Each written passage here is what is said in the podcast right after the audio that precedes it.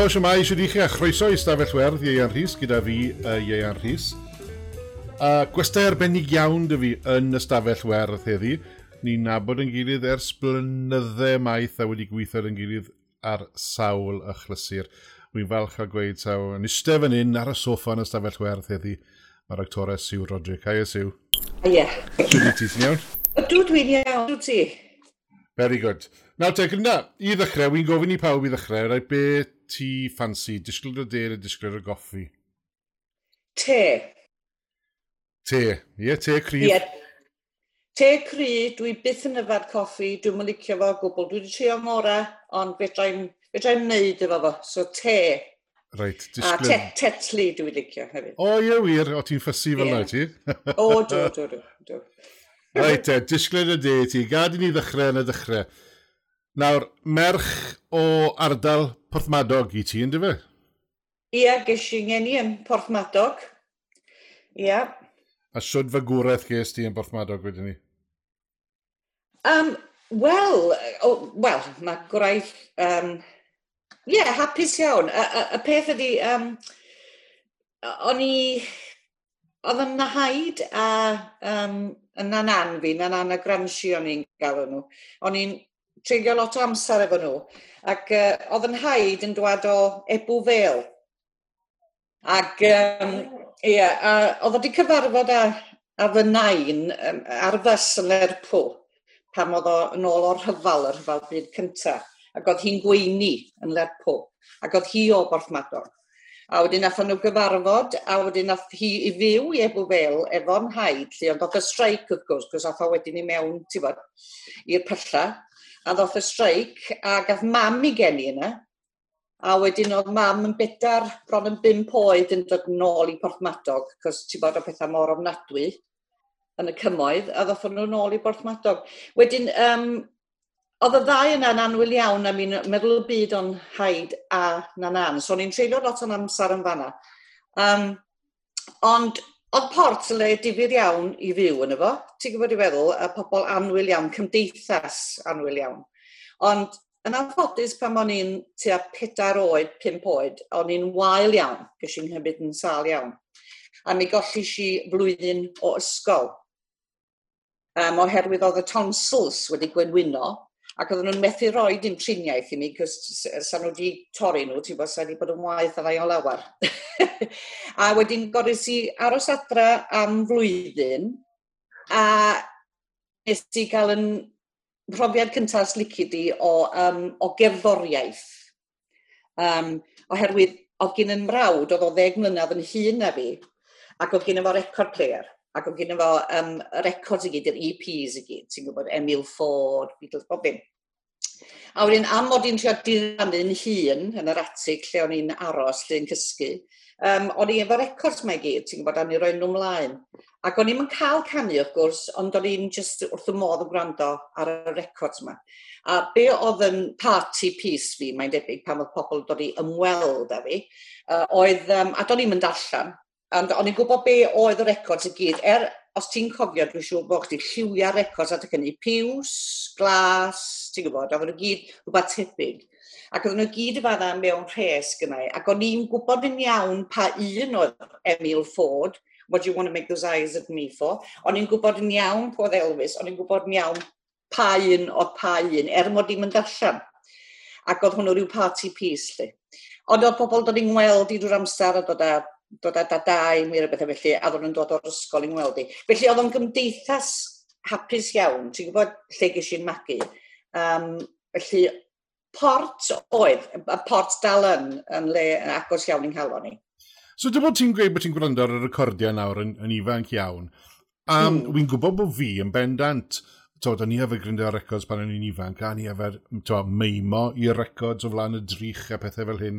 A ai fyna, nes ti sylweddoli bod, bod ti'n enjoio yeah. falle performo?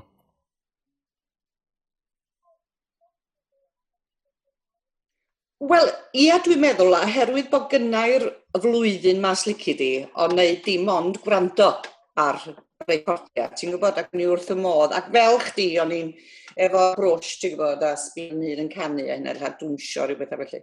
Um, ia, dwi'n meddwl, um, wedyn, ges i'r cyfla wedyn, um, yn ifanc iawn a dweud y gwir. O gynnau ddiddordeb mewn canu, yn ath mam, ti'n bod, chwarae teg iddi, a dyna'n lot o bres o gwmpas, ond nath o'n o'i gora i roi gwersi a gitar i mi, ac o'n i'n canu mewn cyngherddau pam o'n i'n ifanc iawn. Ac nes i wneud gwaith teledu gyntaf am ddeg oed, um, efo Stan Stennett yn Bristol, uh, TWW Stan at Ease So hwnna oedd yn hyfforddiad cyntaf fi ar y teledu yn canu Train Whistle Blowing o Seekers efo fo adw, ac. Uh, Lion, dwi'n gwybod os ti'n cofio Lenny the Lion, y ti? Um, oedd, yeah. A, a nhw oedd yn hostio'r sioe yda cynni, ac fanna ges i'n hyfla cyntaf, si am gyfweliad y Bangor, ges i drwad, a fes i ymristel yn wneud hwnna, a wedyn o hyn amlaen, nes i weithio fy stan wedyn mewn pantomimes pan o'n i'n 11. A wedyn o hynna mlaen, o'n i ar y llwyfan y dyd y gwir. Um, so, ble, ble o ti'n neud? Oedd i ar y llwyfan. Ble o ti'n neud y pantos mewn y stand? Na fi eisiau wedyn. O'n i'n neud y pantos i bod yn porth cawl ac o gwmpas um, lle bynnag oedd o'n mynd, o'n i'n neud y pantos yma. Um, nes i wneud um, sawl un efo fo a sioia. Ac wedyn o'n i'n neud pethau pethau disga dawn, ti'n bod, pan o'n i'n dair ar ddeg, pedair ar ddeg, twndis hyn a gyd. O dad yn dod â fi i um, Gardydd, i Newport Road, i, i ffilmio nhw gyd, a recordio nhw. So, mi, a wedi gwneud cyngherddau, wrth gwrs, yn bob man, fel oedd i adeg hynny, oedd Aled yr Edge, Tony Galoma, yeah. Heather Jones, so, oedden ni gyd yn mynd o gwmpas, ser Cymru yeah. oedd yn galw nhw, a wedyn so, oedden nhw'n so, majestic yn Gynarfon a mynd i cyngherddau bob man. O ie, ie, ie, canu a chwarae gitar. A deud y gwirth ti, um, uh, dwi'n ei sôn wan am Aled a Reg. Reg nath ddysgu gitar i mi.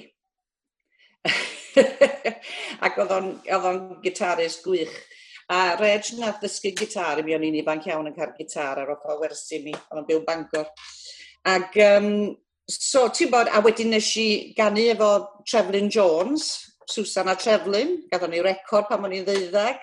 A dyna be o'n i'n neud, jyst ti'n gwybod, canu a cyngherdda. Oedden nhw'n bob man, oedden ni'n stopio, ti'n gwybod. Wedyn, ddoth ysgol, a dweud y gwir, oedd ysgol bach o niwsans. Cos oedd o'n dod ar ffordd, ti'n gwybod, oedd o'n dod ar ffordd, cos yna cwbl o'n eisiau gwneud. A, a do'n i'n hoff iawn ysgol a deud y gwir nonas, dyfa chdi. O gynnau amball i athro gwych, a dwi dal yn ffrindiau fan nhw. Ond um, doedd o ddim i mi yr ochr academic fel petai, ac oedden nhw ddim eisiau gwneud drama a pethau felly adeg hynny yn yr ysgol. Wedyn o gynnau'n llawer o ddiddordeb a dweud y gwir. So o'n i wrth y modd yn mynd ac yn canu ac yn tigo performio. A wedyn pan nes i adael yr ysgol, yn 16, nes i fynd yn syth i uh, Cwmni Theatr Cymru. A wedyn uh, nes i'n syth ar y, ar y, ti'n bod, y boards, fel maen nhw'n dweud. Nes i ddim mynd i'r coleg, um, Nes i fynd y ffordd yna i mewn i'r busnes, a wedyn nes i ddechrau actio, wrth gwrs, oherwydd hynny.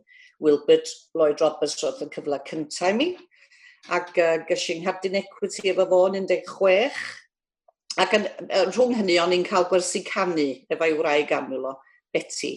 A wedyn... Ti'n cofio'r cynnyrchiad cynta nes ti gyda Wilbert? Dyna sydd Ydw. Um, nes i wneud pam ddel mai sioe oedd efo David Iwan coelio yn y fideo. Ac o'n i yn chwarae, a ni yn efo Sharon Morgan, sawl un ohono ni, fatha rhyw ffas sort of sioe oedd hi, pam ddel mai. Hwna oedd y cyntaf nes i wneud. Wedyn ar ôl hynny, sawl panto, efo Wynff, ti'n gwybod, a Dan y Don, hynna gyd, um, Ali Babi, nes i wneud sawl panto, nes i wneud um, o, beth yna, efo hiw Caredig, um, o, beth henw, Howell Harris, uh, ti'n bod yr, y bregethwr. Ac o'n i'n hwnnw, um, chwarae rhyw rhanna bach, wrth gwrs, o wedyn nath i'n well ac y well. A wedyn nes i weithio wedyn i hwyl a fflag, Cogan y Cymro olaf, Baracaws, a felly fiodd, ti'n bod. Cos o'na mwy o theatr adag hynny, wrth gwrs, nag oedd i o, o deledu. Oedd, yn, yn bendant, a wrth gwrs, fel y ti'n gweud, o ti'n uh, mewn ffordd reit yn y dechrau pan, um, pan oedd actorion Cymraeg yn troi'n proffesiynol.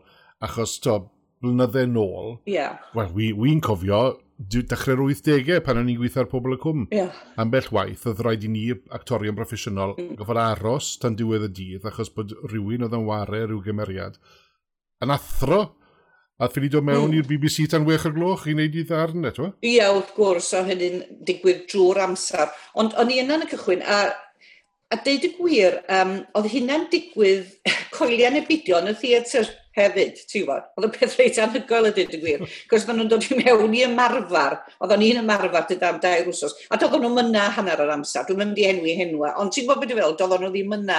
So oedd o reit anhygoel meddwl yn ôl amdano y peth rwan. Lli.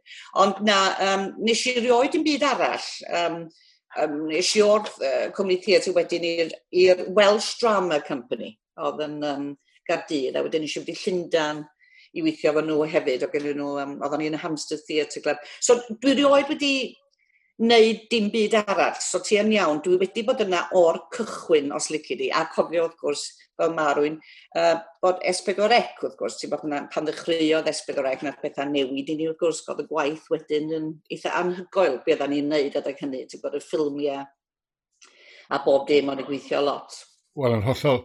Ond i rywun nath weithio gymaint yn byd y theatr, fel ti'n gweud, ers o ti'n 16 mlynedd oed, mm. Siwrd o ti'n ffeindio wedyn ni yn newid byd a mynd o theatr i, i dyledu? Wel, be ddigwyddodd, um, nes i ffeindio fan hawdd iawn a dyd gwir, a nes i licio fo. Um, o'n i'n, oedd Rhyddech Jones yn dda iawn efo fi, Rhyddech a Gwenlyn, ond oedd Rhyddech yn cynhyrchu wrth gwrs um, disga dawn ar y byd efo, efo Ruth.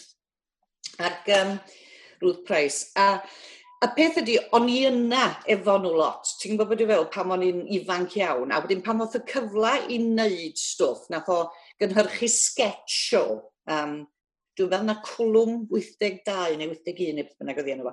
A wedyn ges i'r cyfle wedi wneud y sketches yma, ti'n gweld, uh, efo fo, um, Gary Williams a fi.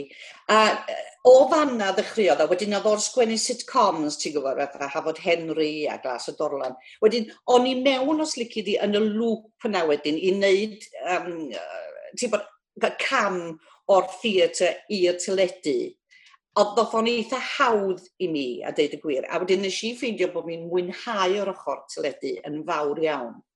Ac o'n i'n lwcus iawn. Ie, yeah, oedd yr adeg na hefyd, os, os wy'n cofio'n iawn, achos nath, uh, nath rydderch gynnyrch i fi mewn un sitcom, nes i benod o sitcom yr enw Sydney. Mm. A beth o'n i'n joio am hwn, mm. oedd y ffaith, oedd e fel ymarfer drama, achos beth o'n i'n neud wedyn ni, o'n i performo'r sitcom o flaen rhyw 200 o bobl yn studio y BBC gwed ar y nos Wener. Yeah. So mae rai bod y sitcoms o tîn, yeah.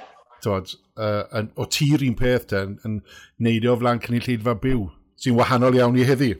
Oedd, oedd rei o'n nhw, oedd rei o'n nhw um, yn cael ei wneud, ond oedd lot yn HTV adeg hynny'n cael ei wneud o flaen cynulleidfa fyw. Fydd Um, ti'n gwybod, pidi anghofio bod nhw'n neud lot o stwff, yn dod e? ti'n gwybod, fel sôn amdani a hyn i gyd, a hyn i gyd yn fyw o blaen cynulleid lleid fe. Ie, yeah, ac oedd hwnna, um, ond ti'n gwybod dyna oedd rhywun yn neud yda cynnig, oedd gyn ti cynnig lleid fa fyw, oedd o fel wneud theatr yn y studio, doedd, ti'n gwybod beth fel, ac oedd hynny'n gres, ond i wrth y modd efo hynna. A wedyn, ath hwnna allan o ffasiwn, a wedyn ddoth o nôl i mewn i ffasiwn. Yeah. um, yn dod, ti'n gwybod, dwi'n gwybod 20 mlynedd yn ôl yn cael ei wneud o blaen cynulleidfa eto. Oedd Nes i wneud Satellite City a hynny. Oedd hyn i gyd o flaen cynulleidfa. Ac oedd o'n beth neis iawn i ddigwydd. Ond uh, dyna sydd eisio fanna a wedyn uh, mynd yn mwy wedyn yr ochr actio ti'n bod, uh, fel o pethau mynd yn ei flaen, lle. Ac os ti'n bod, mae ma pob, a fi wedi dda ti, pob, pob gymeriad ti'n ware mm. yn hollol, hollol wahanol. Right? So, mm. to, so So, ble fysa ti'n gweld y hunan? Wi'n meddwl bod ti'n leading actress, ond ti hefyd yn character actress hefyd. Mm. Achos, to, ma... Syn ni'n rhoi clip nawr o bob cymeriad ti wedi wario dros y blynydde. Allai weithio ti nawr, mae pob un cymeriad mynd i fod yn hollol wahanol. Yndi. Wel, dyna sy'n cadw fi, ti'n bod, cadw fo'n ddifur i mi, haid mi fod yn onast efo chdi. Um, dwi wrth y modd yn ei comedi, a dwi wrth y modd yn creu cymeriad. Dwi ddim yn credu fyswn i wedi sticio at um, yr un un peth, ti'n bod, taswn ni'n chwarae mond un cymeriad hyd yr blynyddoedd yma. Dwi'n meddwl swn i bellach ddim yma, swn i rwla, ti'n bod, swn, swn i rwla arall. Um, Cos fysa fo ddim o ddiddordeb yn ni, cos a bod yn onast efo chdi, um, dwi'n ffeindio hwnna'n challenge. A wedyn, tas ni wedi gwneud yr ochr just bod yn un ochrog fel bethau, swn ni wedi mynd yn bod stiff. A wedyn, swn ni'n wedi medru ymdopi efo hynna, cos mae ma natur i yn licio bethau gwahanol. A dwi'n licio'r ochr, ti'n gwybod, o greu cymeriad. Hwna di'r peth, ti'n bod, neud o, ddim yn poen i fi, ond mae greu o yn ddifur i mi. A dwi'n edrach amdan um, bob dim fedrau, ti'n bod, yn ymhen, dwi'n dwi, n, dwi n, uh, dwi'n mynd i'n method actors yma o gwbl. Yeah. Ond dwi yn, dwi yn chwarae'r cymeriad yma'n ymhen, a mae, mae gennau rhywbeth sy'n yna yn, uh, wel, arno ni bod o'n dod yn naturiol iawn lly. Um, bod y timing yn bwysig iawn i mi. Mae bob dim yn efo timing sy'n bwysig a'r ffordd ti yn gweld y cymeriad yma ac yn ei nabod ti cyn i ti fynd i mewn i wneud ti. Ti'n gwybod beth i feddwl? A dwi, dwi wrth y modd efo hynna. Ond beth yw'r broses wedyn ni? Achos bod, cym di um, y cymeriad nes ti'n mynd afon a casu pobl y cwm. Gei di ddwy, ddim ddwy cymeriad hollol wahanol, poles apart os lici di. Na'r ddwy na. Ie. Yeah. Wel, um, deud y gwir, efo, efo Magi Goch yn, yn Minafon, um, mi ddoth yn eitha hawr, oherwydd oedd o'n ysgwennu os lici di, oedd ei eigrad i sgwennu hi mor dda. O'n i'n meddwl, a ia, dwi'n gwybod pwy di hon, wan. Mae'n byw efo'r llo dyn gwirion yma, ti'n gwybod i feddwl, a mae, pam mae di prodi ffasiwn ddyn, ti'n gwybod i feddwl. A mae haid i felly fod yn um, gymeriad cry iawn, does, ti'n gwybod i feddwl, i roed i fyny fe hyn, mae yna rhywbeth mawr di digwydd yn yna. So nes i fynd o gwmpas hefyd, o'n i di gweld pobl mewn receptions doctor, ac Maen nhw'n gallu bod yn ofnadwy o rŵd, de. Maen nhw'n gallu bod yn swrff iawn efo pobl, ti'n gwybod beth dwi'n feddwl? Ac yn ei fel, ie iawn, mae chwarae fel allu, ti'n gwybod, sgyn i hi'n lot o fynadd i siarad efo pobl, mond ar ei therma hi, lli. A rhywbeth fel i, felly, oedd wedi cael ei sgwennu, felly, beth bynnag. A dyna sydd oedd Magi, nes i um, Ond mae casu yn beth gwahanol, actually, cos oedd Cassie, mae Cassie yn ges, neu mi oedd yn ges, mae pethau ddim yn mwy difrifol fel mae'r blynyddoedd ddim dymlaen. Ond, um, O'n i jyst yn meddwl, o, oh, be di casu ydi, mae'n gwybod be mae eisiau. Ti'n gwybod fel, mae honno'n byw, o, honno'n byw efo ddigon o lo o ddyn. A wedyn, mae ma, rhaid i honno copio fo bethau. So, cymeriadau cry dyn nhw, wrth gwrs. Ti'n gwybod, mae nhw yn gymeriadau cry iawn. Ac yn, ac yn saff iawn o'i hunan, actually. A dwi'n meddwl, dyna sydd eisiau am, am y ddwy yna, dwi'n meddwl. Ond ti'n ti, ti yn wario casu nawr yn, yn pobl y cwm, a ti wedi bod na ers wel, mewn y mas ers blynyddoedd lawer o China. Fi o'n i'n gweithio dyn gilydd pan o'n i'n uh, yn pobl o cwm. Do, do. A fi si yna um, am siwg i ni, tua deuddag mlynedd, ti'n gwybod, um, ryn hir iawn. A wedyn nes i adael am bymthag, a wedyn nes i fynd yn ôl tua blwyddyn a hanner yn ôl. Ie, yeah, beth o'n i'n syni, oedd y raglen yr y teledu yn ddiweddar yn olrhain hanes casu. O oh, ie. Yeah. A fi'n credu bod fi wedi sôn dy ti o'r blaen. So, a Cassie wedi cysgu di pawb yn y cwm bron iawn, ond Sergeant James. So, wy'n eitha miffed am hwnna, ti'n fawr? A, dwi'n gwybod, am nadu. Mae'n collad nhw oedd o, cyfe hi, collad nhw oedd o. Ond, tod, ddim bod hwnna, ddo, obviously, y tro cynta i ti, i ti fod mewn sebon, achos fi ys di am gyfnod yn Coronation Street. A wario e, Megan, ie, yeah, y barmaid? Ie, yeah, ie, yeah, Megan Morgan, ie. Yeah. Yr un efo, um, be o gen i da, butchies neu beth. Um, Ie, yeah, um, exotic dancer. E, ie, yeah, oedd hwnna, oedd hwnna reit anhygoel, nes i fwynhau hwnna yn ofnadwy, dwi'n gwybod bod chdi'n fan mawn o, o cori. Um, ond be oedd yn, be oedd yn anhygoel oedd, bod fi, diwrnod cyntaf nes i fynd yna i wneud, o'n i yn nant, dwi'n gwybod be, chwe mis neu beth bynnag oedd o. Ond, ond sy'n cyntaf gynnau yn y Rovers Return, ti'n gwybod beth i fel? Ac o'n i'n ffeindio hwnna'n anhygol. Pan nes i agor y drws, a dyma'r floor manager yn deud actions i bod, nes i mewn trwy'r drysa, ni'n meddwl, ba hwn yn surreal. Cos dyna'r unig beth o'n i watchad fel plentyn, oedd, ti'n gwybod, Coronation Street. Yeah. Ac o'n i'n meddwl, god, mae hwn yn deimlad odd. Ac o'n i'n meddwl, weithio, ydy hyn yn, di hwn yn go iawn, lle? Oedd yn wir ofnadwy. Ond on, nes i'n ffodus iawn cael gweithio efo Alec Gilroy oedd ei gymeriad, as fo Roy Barraclough a Julie Goodyear. Ac oedd, oedd y ddau yn nhw'n ffantastig efo fi. Um, a nath nhw gymryd fi dan i haden fel bethau. Ti'n gwybod beth i feddwl? Oedd nhw'n wych efo fi. A gynnes i aros yn ffrindiau. Um, yn fawr iawn, wel, o'n i'n ffrindiau efo nhw am blynyddoedd. Ond um, oedd o'n, oedd oedd o'n brofiad gret, ti'n gwybod, uh, fel bob sop, maen nhw gyd wyna, wel, maen nhw gyd rhywbeth tebyg, dydyn. Odyn, maen nhw, maen nhw. Ti'n gwybod, maen nhw gyd rhywbeth tebyg, ond on nes i fwynhau. A wedyn nes i fynd yn ôl yna chydig bach yn ôl, mae'n siŵr bod ti'n bedair blynedd ers hynny, um, i wneud rhywbeth arall ar leoliaid oedd hwnna, ti'n gwybod, ond o'n pethau di newid lot. Ond am llawer amser i wneud y byd i gymharu a be oedd na stalwm. Ond ges di ar ôl yr cyfnod cynta yna ar cori, ges, ges di gynnig aros mlaen yn hirach, do? Do, do, ges i gynnig.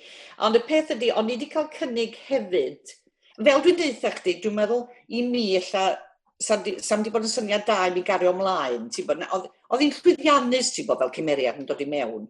Ac yn i'n meddwl, oce, okay, ffain. A o'n i'n meddwl, na, well i mi fynd, dwan, neu fydd hyn yn ormod o demtasiwn, os lyci di, i aros yna. Ac hefyd, be oedd yn digwydd adeg hynny, oedd lot o ffilmiau yn cael ei wneud. Um, oedd ym mhartner i Paul Turner, ti'n gwybod, um, yn gwneud lot o ffilmiau, o'n gweithio lot efo Carl Francis, A wedyn, roedd roth pethau fela yn ôl, ac yn meddwl, a, dwi eisiau gwneud hein, mae hein yn ddifur, ac dwi eisiau gwneud pethau gwahanol. So dyna sydd nes i'r penderfyniad o bidio aros yna. Os i'n ôl wedyn i wneud um, mwy o ffilm. Ti'n gwybod mwy o gwaith? Do, wel, ti, ti di ymddangos mewn sawl ffilm, wrth gwrs, sy'n ni'n gweud lle'r doi brif ffilm i ti fod yn rhan ohonyn nhw oedd Twin Town yn bendant, sef uh -huh. Mae Twin Town bellach yn, yn cult o ffilm, ti'n bod? Mae dal yn boblogaidd dyddi yma. A, a wrth gwrs, Hedd Wyn, ni ni siarad am yeah. twin, twin Town i ddechrau. O ti'n gwybod pan o ti'n dechrau ffilmo hwnna bod yeah. y ffilm mynd i fod mor boblogaidd? On. Um, a mi fod yn onast efo chdi, nes i fynd i uh, Abertawe gael cyfweliad efo um, Keith, uh, Kevin, sorry, dwi'n wastad drysu rhwng y ddau frawd, uh, Kevin, ac oedd Kevin wedi gweithio efo fi, ti'n gwybod, fel actores, oedd o'n hogyn meg. Os o'n i wedi gweithio efo fo. Oedd o'n Angry Earth, chwarae, chwarae sodiwr, pan o'n i'n gwneud ffilm Angry Earth.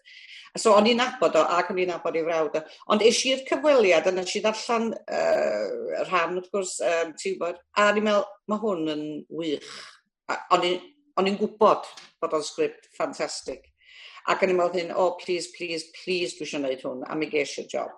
So, o'n, o'n i'n gwybod bod o'n am fod llwyddiannus, ac wrth gwrs oedd gennym ni bobl, ti'n bod, Rhys a Will a Dwgri, a hyn i gyd. Wedyn oedd y cast yn cast cry iawn. A wedyn pam ddathon ni ddechrau ffilmio, chdi'n gweld be oedd eisiau, oedd o'n gwybod be oedd eisiau. Ac dyna pam, mae yn ffilm arbennig, a mi ddweud gwir, eisiau weld ti'n ddiweddar, cos oedd rhyw bobl draw, oedd nhw eisiau gwachio ti. A mae dal yn ddigri, a mae dal yn dda iawn. Ac yn ddiweddar, nes i wneud dipyn bach o waith iddo fo um, yn Abertawe. Mae di wneud ffilm yr enw La Cha Cha. Ac um, nes i, o'n i fod i wneud mwy o bethau, neu mwy o'r rhan yn ni, ond uh, ddodd pobl yn cwm yn ôl ar y sgrin fel bethau, a wedyn roth o camio i mi yn y ffilm yma, ac o dwgreu yna, oedd um, Rhys yna, Wil, o pawb sydd dal yn fyw, yn anffodus, o Twin Town, cos mae'n gymaint o'n nhw wedi mynd, uh, yn y ffilm. So hwnna'n gret, so ges i gyfle i gyfarfod nhw eto, a cael um, dau ddwrnod joli iawn efo nhw. Um, a wedyn, ie, yeah, uh, o'n i yn gwybod bod am fod yn llwyddiannus, a da ni dal yn disgwyl fan y gwrs i wneud yr tin llawn. Y follow-up. Yeah. Ond, tod, mae rhaid ni sôn wrth gwrs am, am Hedd Wyn. Mm -hmm sy'n ni'n gweud falle, y ffilm Gymraeg fwyaf llwyddiannus eriod. Mm. A, a reswm am ni, wrth gwrs, bod e wedi cael un o mynyddio am Oscar. Mm. A, a ges ti fy mas i'r Oscars hefyd? Do, tad. O, do, do, do, hon i yna. Um, yeah, anhygol. A mi ddigwyddodd hynna sydyn iawn. Dwi'n meddwl na dyn o dolgella na sgwennu colian y fideo i'r Academy. Um, a dweud, have you seen this film Heroin? It's brilliant. It should be actually nominated. A ddothon nhw nôl at Esbydorec. Ddim Esbydorec, na, um, neud, y dyn ma dolgella na, dwi'n meddwl Mr Roberts oedd yna. A mi oedd sgwennu, a dyma nhw yn um, cysylltu efo Esbydorec, a dweud, could we see this film? A felly fi oedd, a gatho ni'n y nomination, ti'n bod, y foreign film. Ond o hynna o fewn pethefnos, oedden ni yna. Ac o'n i wedi bod yn gweithio uh, y blwyddyn cynt efo Tony Hopkins yn gwneud Selected Exits. Ac um, o'n i wedi dod yn ffrindiau mawr efo fo. Ac um, a gwrs o fo oedd yn host ni pam oedden ni yna. So oedd hynna'n gret. Uh, Nath ni dreulio lot amser efo fo yn um, LA. Ond oedd o'n brofiad anhygoel. I mean, mae'n dweud dim byd arall, ti'n gwybod, ond um, Nathon ni bron gael o, ond oedd hi'n agos iawn. ond, uh, to, gwrddus i lifer o bobl diddorol iawn. Fi'n cofio ti'n gweud un stori am uh, y cynno ar ôl y seremoni neu yn ystod y seremoni? O, na, y, y Governor's Ball. Ie, Yeah, ie. yeah. Governor's Ball. Ie, yeah, Governor's yeah. Ball sy'n dod ar ôl, wrth gwrs, mae'r ma Oscars yn y, yn y pnawn dydyn. Wedyn ti'n mynd i'r Governor's Ball ma wedyn yn y nos, ti'n gwybod? Ac ysdi ddawnster rhywun arbennig? Wel, do, um, be oedden nhw'n neud, mae nhw, ma gen nhw change partners dance, ti'n gwybod fel, a wedyn ti'n newid partner pan ti'n dwnsio. O'n i'n dwnsio efo Hugh Garmon ar y bryd. Ac anyway, ta waith o'n i'n dwnsio, wedyn ddoth i'n change partners, maen nhw'n deud hynny. So nes i droi ac o'n i'n meddwl, o, mae'r boi ma'n dal, mae hynna'n neis, cos di lot o'n nhw ddim yn dal, maen nhw'n bethau byr iawn allan yna. Ond anyway, um, oedd y boi ma'n dal, a nes i'n sbio fyny, meddwl, ac yn dwi'n abod hwn. A, a Clint Eastwood oedd o. So o'n i'n meddwl, o, oh, okay, carry on, carry on. Hello, hi, how are you doing?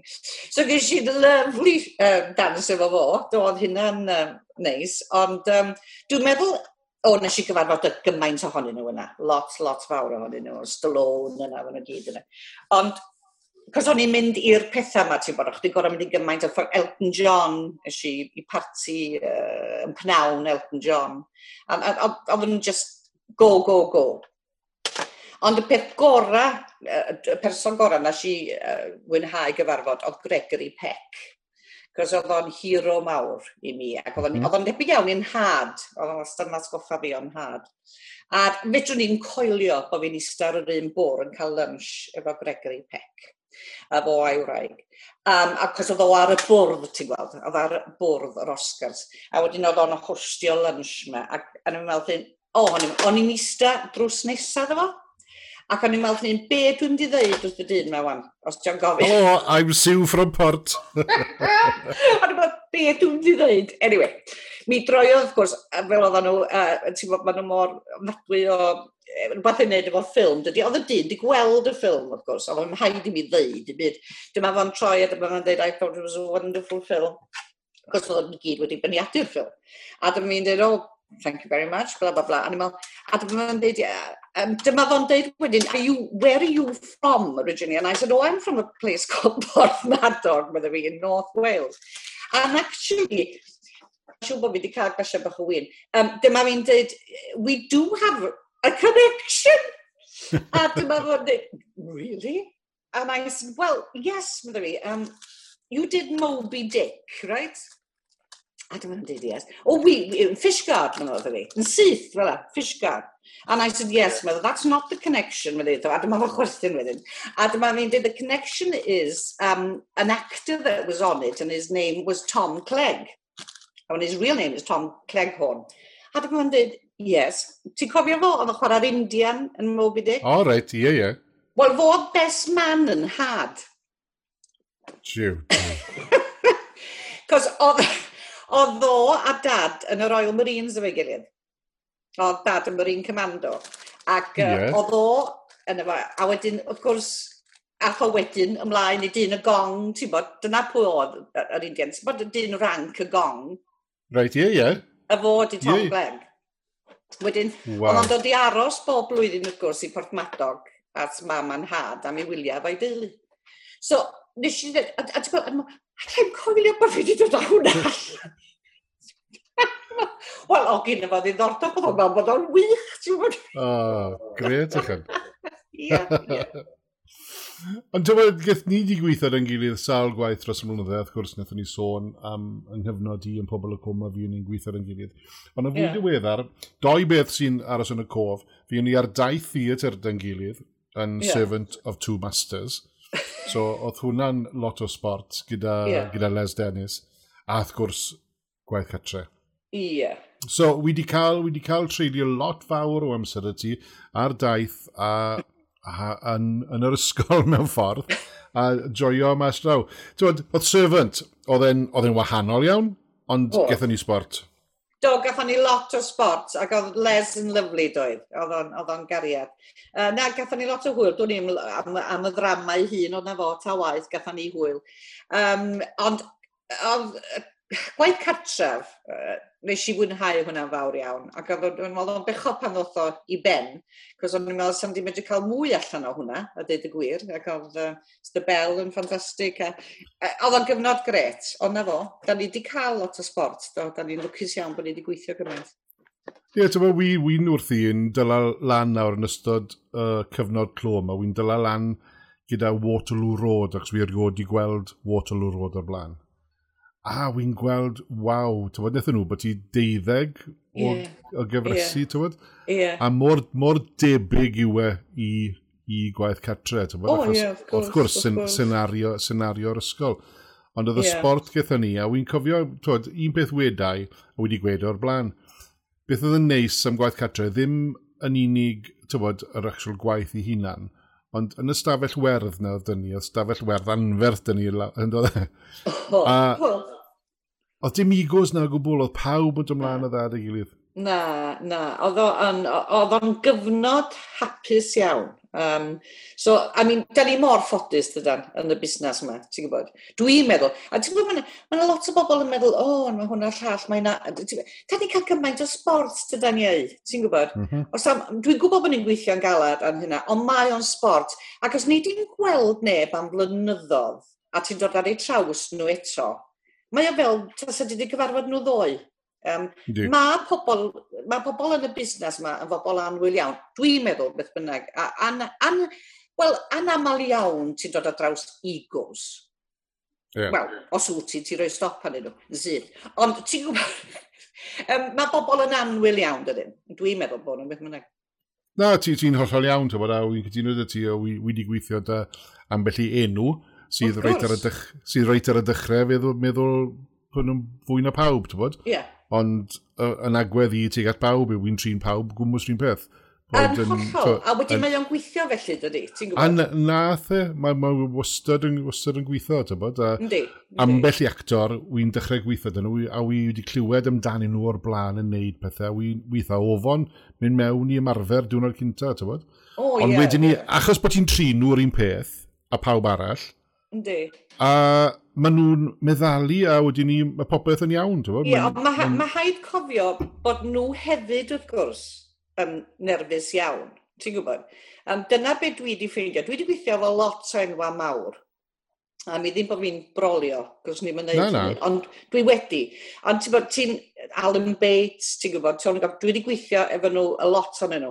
A wythos di, mae o'n anhygol pa mor ansicr mae nhw'n teimlo ti'n gwybod. Mm. A pan ti'n dod i nabod nhw, a just rhannu amser a ti'n gwybod siarad efo nhw, maen nhw, ma nhw, maen nhw rhywbeth, mae bawb o'r un peth yn y bôn, ti'n gwybod, a mynd i mewn i rhywbeth A maen nhw'n dechrau hefyd o ran, wy'n cofio unwaith, a weithio ti, pan nes i The English When Went Up a Hill, mm. a dod i nabod Hugh Grant. Mm. A wy'n cofio gweud wrth Hugh Grant, diwrnod cynta fi lan yn Pinewood, o'n yeah. i'n nervous wreck. Yeah. A wy'n cofio gweld uh, Bob Lyth yn yeah. y lle make-up. O'n i mor falch i weld Bob, ac o'n i wedi gweithio dy Bob a'r pobl y cwm a Bowen a'i bartner. Yeah. A dde mor neis. Ond i ni gweud y stori, mae'r Thew Grant, a nath ei weid gwmwys rhywun peth. Yeah. A dde'n gweud, I was so nervous on my first yeah. day. I guess i sioc. Achos fe oedd ser yn y ffilm, ti'n Ie, yeah, yn hollol, um, dyna di o, mae rwy'n anghofio hynny, ti'n bod, a mae yna lot o bryfado, oherwydd bod rwy'n yn nerfus, wrth gwrs, ti'n gwybod, rwy'n meddwl, mae yna rhyw, ti'n gorau rhoi rhyw masg ymlaen, dwi'n sys ti, bod chdi'n sicr o dy bethau, no, ti'n gwybod beth dwi'n bod chdi ddim yn ansicr. Ond y peth, yeah. os dwi'n meddwl, I mean, dwi'n person hollol, hollol ansicr, pan dwi'n mynd i mewn i rhywbeth. Dwi, dwi'm yn cysgu am nosweithiau cyn mynd i wneud rhywbeth. A sawl blwyddyn dwi wedi bod wrthi, ond mae o dal o'r un peth. A deud i gwirth ati, swn i'n teimlo fel la, swn i'n meddwl bod yna rhywbeth o'i le. Mm. Ti'n gwybod? Cos mae hwnna roed, mae hwnna roed y cic i chdi. Ti'n gwybod fel? Wi'n wi teimlo fel la, o ran to, nerfau. A wi'n yeah. cofio gweud wrth rhywun unwaith, wi'n cofio twyd, fi ys i'n pobl y cwm am dair blynedd ar ddeg. A ti'n mm. cyfio'r studio mowr yn C1 a dda drysau na'n mynd o'r crysba mewn i'r studio, a drysau mm. trwm, tywed? A ti'n beth, pob tro ni'n tynnu'r drws na i fe mewn mm. i'r studio, hyd yn oed ar ôl tair blynedd ar ddeg, o'n i dal yn nerfus yn agor yeah. y drws na fe mewn. Yeah. Mae'n hod yn dweud. Ydy, mae o, ond dwi'n dwi meddwl, os wyt ti ddim, mae yna rhywbeth o'i le dwi yn meddwl hynna, dwi'n mynd dweud os yw'n cymryd droson neu rhywbeth mae hyn beth gwahanol, ond ti'n bod, i bod ar dy gêm maen nhw ddeud e, ti'n bod i fel, bod chdi'n gwybod beth ti'n, a, mynd i mewn. Os gyn ti mor edge bach yna, dwi'n dwi, dwi meddwl bod o'n beth iach i gael yn hun. No, ti'n nôl nawr to, obviously, yn pobl y cwm, a mae pethau chydig bach yn wahanol na nawr gyda'r cyfnod clo yma. Swyddi ti'n ymdopi gyda hwnna yn gwaith? Wel, um, ti'n bod, mae'n araf o'n wrth gwrs gymharu a be oedd o. Da ni'n mynd gymaint o olygfeidd lle, a mae'r social distancing ma, ti'n bod, yn beth eitha anhygol i, i brofi pan mae ti'n studio, cos o'n ti'n cael mynd yn agos at yr actor. Ond wrth gwrs mae techneg heddiw mae mor ti'n bod, yn wahanol, mae'n i wneud o edrych fel tas ydi yn agos iawn at y person yma. mae'r cyfarwyddwr yn seithio mewn ffordd arbennig. Um, mae o'n ma arafach, mae o'n mwy blinedig oherwydd bod o'n arafach, a lle di goelio ffasiwn beth. um, Cos mm. mae'na, ti'n bod, pethau fel la, a ti'n gorau edrych ar ôl props dy hun, a llnau props dy hun, mae'na lot o bethau wedi newid. Ond beth sy'n ffantastig ydy bod pawb um, yn tynnu ati i, i wneud y gorau, ti'n gwybod, o'r sefyllfa. Ac lwcus iawn bod ni'n gweithio, wrth gwrs. Mae yna gymaint o bobl yn diodda, yn arbennig yn y busnes ni, adag hynny. Mae'n wir, mae o'n ofnadwy ar theatra, a mi'n gwybod dy hun, ti'n neud panto bob blwyddyn, dwt. Dim le ni. Um, ti'n bod mynd am byd felly, mae'r sioia, mae, mae'n sobor iawn. A ddim jyst actorion, dio, ti'n bod, mae'r criw, mae bawb, ti'n bod. Mae'n... So, da ni'n lwcus iawn mewn ffordd, dwi'n meddwl, felly dwi'n edrych ni.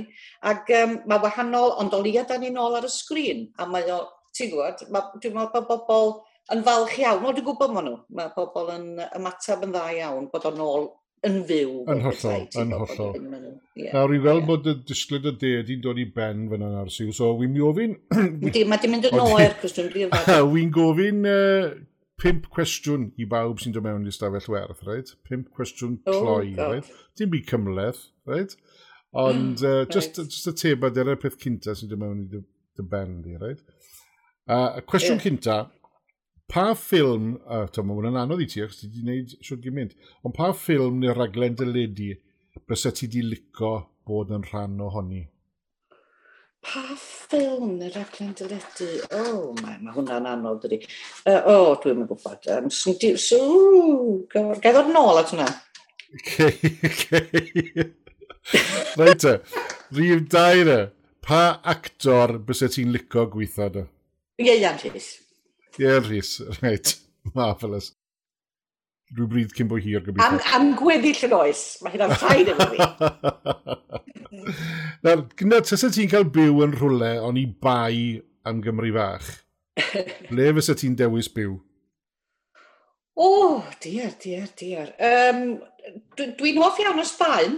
Um, Dwi'n licio Sbaen, dwi'n yn gwybod sy'n ni'n gallu byw na, dwi'n licio... Wel, America ddylwn ni ddweud, cos mae ferch yn byw na. O diar, ie, yeah, ro'n i'n ddweud America. Ond dwi'n gwybod sy'n ni'n gallu byw fan o chwaith, so dwi'n gwybod ei gwir. Iwerddon? Hmm, ella. Mm, mm, mm. Reit e, 47 na, reit, wy'n mynd ti mas yn bryd o fwyd, a ti sy'n cael dewis... Ti? Pryd? Ti, ti sy'n cael dewis y bwyty. O, oh, ie. Yeah. Ble fysa ti'n dewis? O, oh, just curry i mi, curry i mi. Ie, yeah, ie. Yeah. Ie? Yeah? I'm a, simple, I'm a simple girl. Yeah, you can take the girl out apart. Dwi'n okay, dwi'n ffain efo Cymru. Dwi'n eisiau ti wario lot. Ti, ti di meddwl am y ffilm neu'r raglen dyledu mas ydi lyco bod o'n rhan o'n ni? Ne? Y raglen dyledu, dwi'n mwyn gwybod y ffilm, mae'n gymaint o bethau does wan, ond swn i di licio... Na, dwi'n meddwl amdano fo. Fetrai ddim meddwl. Um, na, na, na. O, ella sy'n di licio... Um, Ond mae'r gyfres o Netflix, di hwnna'n cyfri? O, di, di. Um, Bates Motel. O, oh, reit, ie. Yeah. A sy'n di licio chwarae'r fam. Reit, na fe to. Ti'n bod, ti'n bod, Dis di weld Bates Motel? Na fo, na fo. O, mae o'n anhygol. Mae hai ti watcher e, a mae'n gyfres... Mae hai ti watcher a, ond... O, reit. Sy'n di medru wneud yr han yna, dwi'n meddwl okay, neu i edrych ar hwnna i weld... Uh, o, oh, mae'n wych. Mm. Ar, gyf, ar cwestiwn ola te, be fysa dy gyngor di i actor ifanc sy'n ar fi'n dechrau, sy'n nes i newydd ddechrau yn y busnes? Um, I fod yn llwyddiannus, um, mae'r rhaid gwrando. um, ma mae actorion ifanc, dwi wrth y modd efo nhw. Dwi'n licio gweithio efo bobl ifanc, dwi'n meddwl bod nhw'n wych. Ond mae'n amball un sydd, un beth sy'n ei cwbl sy'n ei wneud ydy gwrando. A, um, a pidio dweud gormod, ond jyst ti bod i ddysgu um, y grefft. A sy'n ma'n neud hynny ydy, uh, ydy pidio dweud gormod a gwrando lot yn yn hyb i. Um, a hefyd, sy'n ni'n deithio nhw'n gwneud amrywiaeth o e. bethau. Ti'n gwybod, os ydy o'n bosib. Cos y byd ti ohoni rwan, fel ti'n gwybod, fel dwi'n gwybod, da ni wedi bod lwcus iawn canu ac yn, ti'n bod, medru gwneud pethau eraill. Ac os fedrwn nhw'n wneud pethau eraill, um, dwi'n meddwl bod hwnnw yn, um, yn dda iddyn nhw. Ti'n gwybod, i, i gario ymlaen yn y busnes. A bod yn neis efo bawb, a bod yn neis efo bawb. Wel, hollol mwyn, a'n naturiol yn dwi. E? Yndi. A enjoyo, enjoyo. Ie. Yeah. Ei, Gnes, yw diolch yn fawr i ti am dreulio amser difyn ystafell werdd uh, heddi. Um, Okay. A fi ti mas am gyrru rhywbryd. Um, okay. pryd, pryd bydd yr uh, busnes y lockdown yma a popeth drosto. A oh. gewn ni amser da, wy'n siŵr, ond am y tro, Siw Rodrig, diolch yn fawr i ti am dy gwmni. O, iawn, diolch i ti. Ta-ta!